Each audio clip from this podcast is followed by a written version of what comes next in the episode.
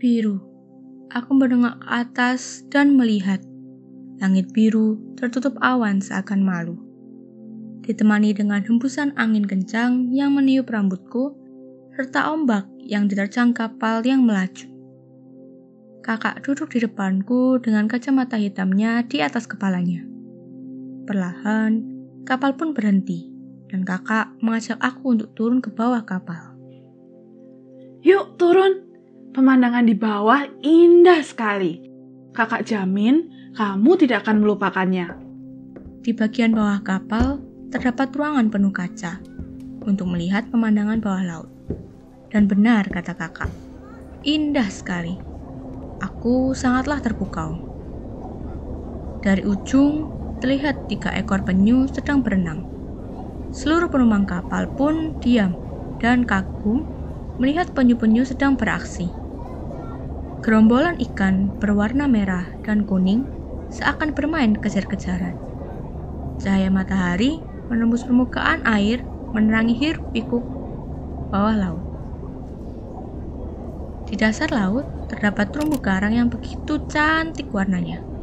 Banyak ikan beragam warna. Keluar masuk terumbu karang seakan menyapa kami dengan ceria. Kak, warna terumbu karangnya cantik sekali. Aku ingin bawa pulang satu terumbu karang. Bisa nggak ya? Kakak setuju banget. Terumbu karangnya cantik sekali. Tapi terumbu karang penting banget loh. Kamu lihat ikan-ikan ini? Terumbu karang adalah rumah ikan-ikan ini. Kalau misal terumbu karangnya enggak ada, ikannya tinggal di mana, Lia?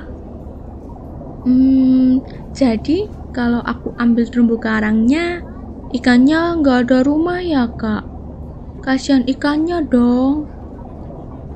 Terumbu karang ini juga tumbuhnya sangat pelan, cuma 5 sampai 10 cm per tahunnya. Jadi, kalau diambil terus, terumbu karang di laut akan cepat habis.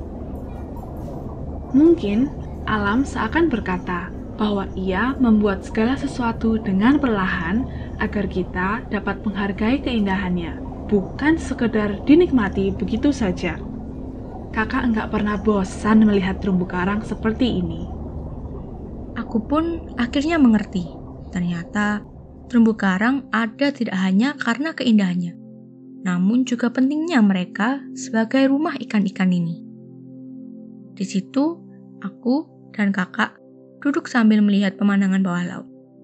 Berdua, diam, dan termenung. Seakan laut menarik perhatian kami dan tidak melepaskan.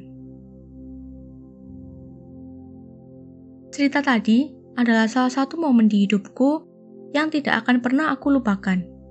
Aku sangat rindu untuk melihat pemandangan itu lagi. Aku semakin selalu ingin menemani kakak setiap kali ia ke laut.